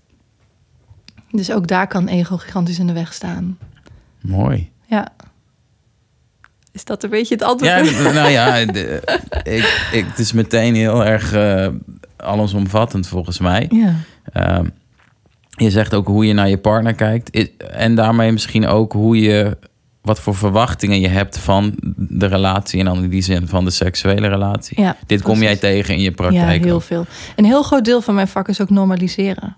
Ja. Dus ehm, bepaalde verwachting, omdat, ja, weet ik veel, vanuit media of vanuit peers, hè, dus omgeving. Ehm, ja, een beetje een onrealistisch beeld wordt geschetst van seksualiteit. Want je, moet- je moet er zo uitzien en je moet het zo vaak doen en je moet dit en dit kunnen. Ja. En je Ehm, eh, ja, als ik dan uitleg hoe, de, hoe, het, eh, ja, hoe het normaal is, Ja. wat het normaal is. Nou ja, voor zover je kan spreken van normaal. Ik heb altijd een beetje ook iets ja, Maar- moeilijk woord. maar dat is wel graag wat mensen willen weten van mij. Wat is normaal? En natuurlijk geef ik dan wel altijd... ehm, ja, normaal is wat jij fijn vindt. Ja. Hè? Als je antwoord wil op de vraag wat is normaal... waar jij tevreden mee bent, dat is normaal. Dat is voor jou normaal. Maar als je wil weten wat is gemiddeld... nou, dan Ja. kan ik je wel Ah, het een en ja, ander ja, vertellen... waar jij je dan toch wel weer een beetje aan kan Ja, spiegelen van, ah, dan valt het eigenlijk nog wel mee met hoe groot mijn penis is, of hoe, weet je wel, of hoe klein, want dat is dan natuurlijk vaak de vraag. ja, Hè, dus zo, ja, ehm, ja, de, dat kom ik wel veel tegen, ja. ja. Dus, dus eh, wat ik wel mooi vind, jij zegt normaliseren. Eigenlijk is eh, vragen naar het gemiddelde iets wat men rust geeft. Dus toch, Ja. eh, terwijl het gemiddelde ook heel Het- het gemiddelde is- irrelevant is eigenlijk. Niemand het- is het gemiddelde, toch? Nou ja, er zal er één zijn. Ja, nou, Of bijna. dan ben je ook saai als je het gemiddelde bent. Oh, dat dacht ik dat ik dat wel. Nee, Nee, jij bent niet het gemiddelde. Nee? Nee. nee, ook. Gemiddelde mensen die beginnen geen podcast. Ah, Nee. daar zit wat in. En die zeggen niet hun baan op om eh, Nee, voor ja. zichzelf te Ja, gaan. oké. Nee, oké. Of nu heb ik misschien echt ook een heel verkeerd beeld van het gemiddelde persoon. Eh, Dat weet ik niet, maar eh, het voelt, mijn ego vindt het wel prettig dat je dat zegt. Ah, oké. Ja, nou. da- die dan toch. Ja, nou, kijk, ik vroeg het ook omdat ik zelf, ik ben nu 34 en heb het een en ander meegemaakt, dus ook daarin heel veel geleerd. En ook ontdekte dat ja, die verwachtingen die je hebt of de, ik zou het bijna veiligheid willen noemen, die het eigenlijk niet is, maar je, je drukt jezelf in een soort positie waarbij je dan bij de ander wat neerlegt en dat je ook sommige dingen moeilijk te bespreken vindt, maar dat camoufleer je dan met, ja, dat kan van alles zijn. En nu ik steeds beter word en daar echt eerlijk open over spreken, wordt het veel interessanter, prettiger, veiliger, relaxter, fijner. Nou, ga zo maar door. Eh, maar dat leer je echt in de praktijk. Ja, en door de jaren heen. En door de jaren heen, ja. En dat is wel echt iets, als ik dan naar mezelf als opvoeder kijk, zowel voor de klas als voor mijn zoon, eh, wat ik graag meegeef. Zo van, Ja. eh, laat vooral horen van jezelf eh, wat er leeft. Je hoeft het antwoord niet te hebben, maar begin met praten, dan komt er wel iets. Want dan kom je daar ook dichterbij. Ja, Toch? zeker. Ja. Ik hoorde iemand anders in jouw podcast zeggen... ik begin vaak te praten Ja, en, en dan eh, weet ik wat ik denk. ja, ja, ja. Fabian zei dat. Super herkenbaar. Ja, ja, ja. En ik denk dat heel veel mensen dat herkennen. Ja, Want ehm, ja, dan, soms kun je over dingen al zo lang nadenken. En zit het in je hoofd en gaat het zijn eigen leven leiden. Maar pas wanneer je met iemand gaat... hey, Spit it out, weet je. Je gaat het met iemand bespreken. En dan, ja, soms niet eens door feedback die je krijgt... maar gewoon door de woorden uit te spreken... ja. maar ook door feedback die je dan krijgt... dan Ja. kom je tot de kern van waar het eigenlijk over gaat. ja. Ja, Is, is dat ook een van de tips die jij dan toch als expert hier nu eh, aan de mensen kunt geven? zo. Gewoon begin gewoon Dat is met... groot. Nee, maar ik denk wel dat daarin zit. Want dat zie ik ook bij, bij partners die tegenover mij zitten. Ja, Ja, communicatie. Dat Ja. is vaak praten. Pra- ja, en niet iedereen is gemaakt om te praten, hè? nee. Nou ja, Ja, ja. Hè, ik bedoel, eh, als ik kijk naar mijn eigen man, die, ehm, eh, ja, is niet, ik, ik leer hem wel een beetje uit zijn schuld, weet je, eh, te praten over ze. Maar ehm, toen hij Alpen ging beklimmen op de fiets, gaat hij pas shit verwerken. Ja, Weet je wel? Dus sommige, dus soms zijn er ook gewoon mensen die. ehm, ja, waarbij het niet werkt om bij een psycholoog of een seksoloog in de stoel te gaan zitten en nee. te praten. Ja, ja, ju- juist. Dan zijn er Ja. ook andere manieren voor. Maar vaak, ehm, ehm, ja, praten is wel essentieel om Ja. in ieder geval tot de kern te komen en dan Ja. ja. daar weer mee of te leren leven of een oplossing voor te krijgen. Ja, of te accepteren. Of nou ja, noem maar op. Ja. Eh, vul maar in. Ja, en, en je zegt dan echt praten en dan hebben we het over met je mond geluid maken. Maar je zou ook nog kunnen zeggen, leer jouw vorm van communiceren. En, en weet dan, oké, ik moet dus blijkbaar heel hard fietsen. Of heel ver. Ja, nou ja, of Eh, eerst dan- doodgaan bijna. En dan, ja, en eh, kom dan- ik bij me, echt Eh, bij mijn verdriet of bij mijn... exact. En leer van je partner ook hoe communiceert diegene. Want dan kan ik daarnaar kijken. Ja, Ja, ja, precies. mooi. Eh, ik, ik noemde je net expert, toen zei je dat is heel groot. Oeh, ja. Ben je zo bescheiden? Ja. Denk ik wel. Ja, Ja. maar je doet het al, eh, ik ga het niet Ja, uitrekenen, wel, 11 jaar. Zoiets. Ja, lang. Ja. Dan Ja. mag je toch wel een keer, Ja, dat is ook zo. Ik moet er gewoon voor staan. Ja, Ja. klopt. Ik ben een expert.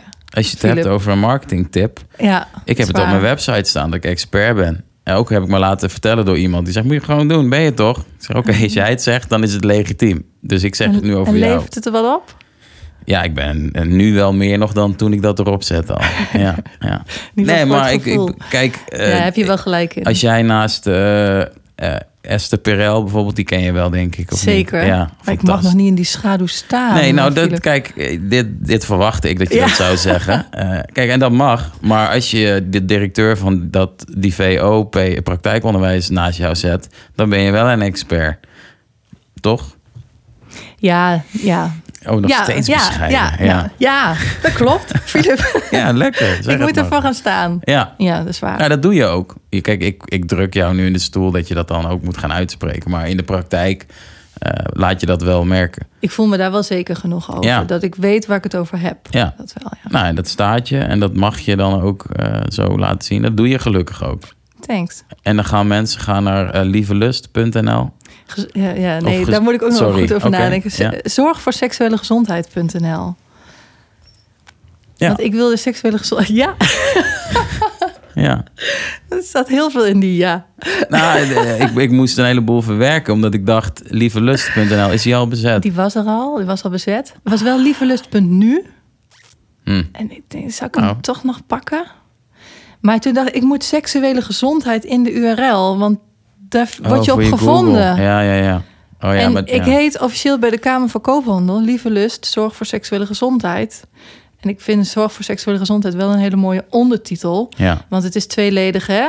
Ik Ja. zorg voor jouw seksuele gezondheid, maar het is ook een oproep. Zorg voor seksuele Ja. gezondheid. En ook voor professionals, hè? Voor... Ja. Dus ik vind het een hele mooie ondertitel. Dus ik heb die ge- gebruikt voor mijn website. ja, je kan wel meerdere Ja. links.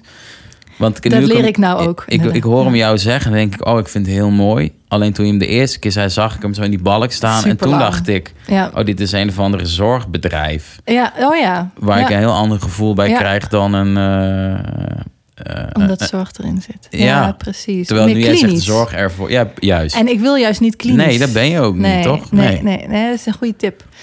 Ja, maar ook mijn e-mail is dan in info at zorg voor seksuele gezondheid. Het is echt superveel. super lang, super lang typen. Ja, dus- nou ja, het, het werkt voor nu. ja maar voor nu. eh, Ik heb nog geen klagen. Nee, zeker niet. Mooie doorontwikkeling. Geen klagen. Mooi. Ehm, eh, Oké, dus je zit daar lekker in. Je zegt ook, ik wil wel dat mijn bedrijf nog prominenter mijn tijd gaat opslokken. Dat eigenlijk. zou ik wel heel vet vinden, ja. Heb je daar ook een plan voor? Of is dat gewoon een, een wens nu? Ehm, eh, nou, ik, ik- ehm, ja, goede vraag. Ik ben er vorig jaar wel heel erg mee bezig geweest van hoe kom ik daar? Eh, maar toen kwam corona natuurlijk en heb ik het nu even losgelaten. Ja. En ook, weet je, de zorg die ik bied is geen vergoede zorg. Ja, seksuele ja. counseling wordt niet vergoed door de zorgverzekering. Nee. Eh, in sommige aanvullende zorgverzekeringen, maar voor de meeste mensen betekent dat dat je het uit eigen zak betaalt. En ja, ik voel toch wel ook dat als we straks allemaal gevaccineerd zijn, dan zijn we er nog niet. Dus ik heb Mhm. voor nu zoiets van: het is wel even prima zoals Ja. het nu is. Er ligt geen druk op. Dat vind ik heel prettig, want Ja. daar heb ik geen tijd voor of zo. Ik heb nu geen zin in, dat kan het ook zijn. Ja. Ik vind het leuk dat ik overal ja op kan zeggen wat ik leuk vind. Weet je, dus in, in die vibe zit ik dan Ja. nu. En ehm, ik heb voor nu, weet je, mijn jongste is nu drie. Dus volgend jaar is die vierde, gaat hij naar school. En dan ga ik daar eens over nadenken. ja, mooi. Ja. Nou, dat is een, een mooie stip aan de horizon. Toch? Eh. En je hebt een hele goede naam, vind ik. Ik vind Lieve Lust, eh, Thanks. Die eh, ja, dekt de lading. Ja, En vind heeft- ik ook. zeg maar wat ik bij zorg voor seksuele gezondheid in de URL een beetje lastig vindt, vind ik bij Lieve Lust juist het tegenovergestelde. Denk, Ja, oh, ja. want dat merk ik nou ook in de praktijk. Ik zeg altijd lieve lust. Ja. Ik zeg nooit lieve lust of voor seksuele gezondheid. nee, nee, dat is goed, denk Ja. ik. Ja. Ja. Ehm, de, ter afronding een hele andere vraag. Jij heet eh, Marliese Evert Aarts, toch? ja, aards, ja. Aarts. Ja. Ja, dus je hebt de, de naam van je man erachter geplakt. Nee, dat is Oh, mijn... oh dat is je eigen Ja, naam. Oh, ja. sorry, net andersom. Ja, precies. Ja, Dat, dat is gewoon hoe het gaat. Ehm, ja, voor mijn werk gebruik ik eigenlijk vooral wel aards. Eh, wel ook, Ja. ja, t- ik ben in 2012 zijn we geregistreerde partners geworden. En ehm, toen was onze oudste was net geboren. En Ja. had ik heel erg de behoefte, we moeten zo, dat gezinsgevoel. Ah. ik wil ook Voor, Evers voor de kids ook. ja, Ja. dat samenhorigheidsgevoel. Dus toen zijn we dat geregistreerde partnerschap ook aangaan. En heb ik die naam ook genomen. Ja. Eh, en bij de GGD is dat eigenlijk gewoon automatisch toen zo veranderd. Eh, Oké, dan ben je dus nu Evers. Ehm, maar ehm, bij Lieve Lust is het wel echt een bewuste keuze... dat ik alleen mijn meisjesnaam gebruik. En ook wel omdat ik inderdaad werk in mijn gemeente. ja. En eh, nou ja, mijn kinderen heten dan anders dan ik. Ah. Dan is het wel weer juist Juist. over nagedacht. Ja. Dus als je mij ehm, straks eh, noemt, zeg me dan gewoon Marlies Aarts. Aarts. Goed Ja. dat je het zegt, want jouw LinkedIn, daar staat het allebei. Ja, dat is En waar. had ik nog even ja, gecheckt. ja, dus- oh, wat goed. Oh ja, Ja. LinkedIn doe ik ook helemaal niks mee. Ah, dat moet je, je moet niks. Dat raad ik je wel aan. Oké, ik snap het niet zo goed. er zit heel, nou, het is heel eenvoudig. Ja, hoe je er iets op zet, dat snap ik de wel. Maar cultuur is wel, Ja, eh, dat. wel complex. dat vind ik... Dat, maar ik mm, zie jou dat wel nelen. Ja? Jawel. Nou, ik heb dan een zal het toch wel- daarbij. Zal het toch wel gaan lukken? Ja, ja. mooi. Ja. Ehm, ja, ik heb heel veel moois gehoord. Ja. Eh, en ook altijd weer die, die niet te tackelen positieve energie van jou die in dit onderwerp zit. En misschien ook wel, volgens mij als we het over eten gaan hebben, heb je die ook. Maar goed, het ging echt hierover. Ja. Eh, heb je nog een, een uitsmijter of nog een Oh. gouden tip? Iets? Oh, dat vind ik altijd wel Daar heb ik Ja, helemaal I niet know. over nagedacht. Nee. Ehm, ja, het belang van communiceren en Ja. ehm, het bespreekbaar maken van seksualiteit. Het is, zoals we eerder al zeiden, zo'n essentieel onderdeel van het leven. Ja. Ehm, iedereen heeft te maken met seksualiteit. Hè? En dan, ook al heb je geen seks, dan nog heb je te maken met seksualiteit. Het Ja. is overal. ehm, het is zo'n essentieel onderdeel en het hoort gewoon bij het leven. Dus Ja. laten we het ook ja, zo eh, bekijken. Mooi. Ehm, toch nog twee vraagjes, denk ik. Eh, jij als expert, vanaf welke leeftijd mag je... Jij zei al, als ze erover beginnen te vragen, mag je Mm. gewoon met ze gaan praten. Ja, Met kids hebben we het dan over. Ja, je, het is meer opvoedkundig, zeg maar. Hè? Dus Ja, wanneer begin ja. je nou? Zo gauw ze erover gaan vragen, Ja, kun je... En als je dan tricky vindt van... Hè, je krijgt dan ineens out of the blue een vraag... en je denkt, oeh, oké... ehm, ja, wat kan ik nou terugzeggen, hè? ja. Dan kun je altijd dan even de tegenvraag stellen... wat denk je zelf hoe dat is? Maar dat is En- een hele mooie ja, met en die dan- annotatie. Ja, precies. Ja, En dan ehm, heb je al een beetje het niveau... Ja. oké, nou, hier kan ik dan niet zo vertellen... zonder al te veel details of wat dan ook. Mooi. Ja. Ja. Oké, eh, en dan de allerlaatste, die had ik al eerder in mijn hoofd. Maar heb je nog eh, seksuologen of, of boeken waarvan je zegt... dat is echt heel inspirerend, dat helpt je lekker op weg... als je volwassene of professional bent of whatever dit interessant vindt. Wat inspireert jou? Misschien is dat nog wel de vraag. Ja, ik, ik ben een enorme fan van Ellen Laan. Ellen Laan. Ja, is ja, de moeder der seksologie in Oh, Nederland. echt? Ja? Vind ik wel, Ja. vind ik hè. Ehm, fantastische vrouw, fantastische vakvrouw. Ehm, die heeft eh, wel ehm, eh, boeken geschreven, maar dat is, gaat wel echt over seksologie hoor. Mhm. En ja, Esther Perel ben ik Ja. ook wel fan van. Dat is een relatietherapeut. Ja. Als je goed Engels beheerst en je wil aan je relatie werken, zij heeft een hele mooie podcast. Ja. Hele mooie podcast. Ja, heel tof. ja. En voor, eh, voor ouders Hey. is, heb ik eh, onlangs een heel mooi boekje van Esther van der Steeg ehm, ehm, in huis gekregen. Wel gewoon zelf Ja. verkocht hoor. Ehm, dat heet Lekker in je lijf. Lekker. En dat gaat over eh, het vrouwenlichaam. Het is voor meisjes en jongens, maar het gaat over het lichaam van meisjes. En daarin zit ehm, het woord schaamlip is vervangen voor vulvalippen. Hey, nice. En zo zijn er nog meer aanpassingen. En de juiste anatomie van de clitoris staat erin. Ja, En ehm, het is eindelijk eens een boekje wat niet per se gaat over voortplanting, maar gewoon, maar gewoon over, je lijf. Mooi. Ja, dat is prachtig. Ja, jij mooi. zegt clitoris. ja. Is het clitoris en niet clitoris? Ehm, in, Of- ja, in het jargon is het clitoris met de Ah. klemtoon op de eerste Ja, lettergreep. mooi. Ja, en in de straattaal, of ja, Nou ja, in de volksmond. in de volksmond, Ja, ja, dat is het woord wat ik zocht. Volksmond is het meer Clitoris. of clit. Ah, weer wat geleerd. Mooi. Nou, die ga ik lezen. Ja, aanraders. Ja, wat leuk. Ehm, En gaan we het nu ook nog over mijn nieuwste plaat hebben? Of ja, dat is wel de normaal gesproken. Ja, precies. Ja, ja, ja, rap gaan je we nu over naar de muziek? Nee, nog steeds niet. Nee, Nee, eh, zingen. ik schrijf wel. Je schrijft wel. Ja, En dan schrijf je gedichtjes. voor jezelf? Ehm, ja, maar heel, heel, heel weinig. Eigenlijk meer gewoon als er een, ehm, als er een aanleiding is. Ik heb wel, toen mijn Ja. zusje trouwde, heb ik een spoken word gedaan. hey, Ben je trots op me nu? ik ben sowieso trots op jou. Ik hoop dat zij het ook leuk vond. Nee, ze vond heel leuk. Ja, was heel leuk. Ja. Ja. ja. Heb je gewoon wat geschreven of ben je in mijn teksten gaan verdiepen? Nee, geintje. Ik heb eerst al jouw teksten. Nee, dat denk ik nee, niet. nee dat vind ik heel erg leuk om te doen, ja. Ja. Dan, eh, ja. Maar, maar ja, ik zou er wel meer mee willen, maar... Je hebt dat, al zoveel te eh, doen. Ik heb al zoveel te doen. Ja. Ja. Maar je draagt niet gedichtjes voor aan je man of je kinderen. Nee, ik, ik ben wel erg bezig met poëzie. Dus dan lees ik meer andermans gedichtjes voor aan mijn man of kinderen. Dat ah, wel. Ja. mooi. Ja. En waarom niet je eigen? ja, omdat de- de- die er niet genoeg zijn. Oké. Ik ben wel... Met Sinterklaas wil je mij. Ja? Wil je dat, ja, dat Jij ik, dat ik jouw loodje heb? Want Ja, dan ja, heb je echt een goed gedicht. Ja.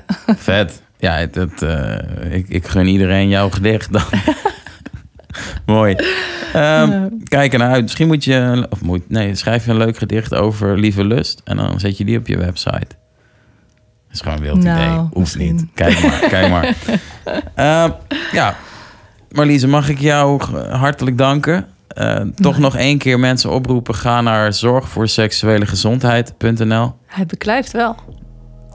Het beklijft zeker. Lieve lust ook. Als je lieve Ja. lust googelt.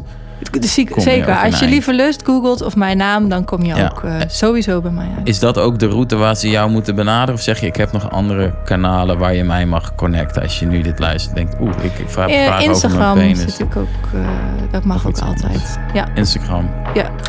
Ja. Oké. Nou, te gek. Ik eh, vond het heel leuk dat je wou komen. Dat ik, je bent eh, gekomen. ik vond het heel erg leuk dat je me hebt Ja. uitgenodigd. Ja. Dankjewel daarvoor. Nou, graag gedaan. Ik eh, ga hier een leuk eh, outro muziekje onder zetten. En dan ga ik jou nog een keer bedanken. En dan eh veet die lang. veet hij zo uit. Ja, En dan mooi. is wat mensen van nu Ik gehoord ben hebben. heel benieuwd. Ja? Ja, leuk. Dankjewel. Ja, jij bedankt. Dan zet ik nu op stop. Yeah. Marliese Aarts, hartelijk dank voor je aanwezigheid en het gesprek. Alle luisteraars bedankt voor het luisteren. Klik even op het hartje, volg en eh, doe die dingen die dit supporten, zodat ik met dezelfde grote grijns achter mijn mic kan kruipen, zoals ik dat dus tot dusver deed. Eh, it's all on you, is jouw keus, maar check het. Check eh, Beatbox voor de hospitality. Check Ruben op die beats. Check Lieve Lust op je Google als je meer over seksuele gezondheid wil weten. Hou dat sowieso hoog in het vaandel. Geldt eigenlijk voor elke vorm van gezondheid die je jezelf kunt gunnen. Mijn zegen heb je. Dank voor het luisteren. On to the net.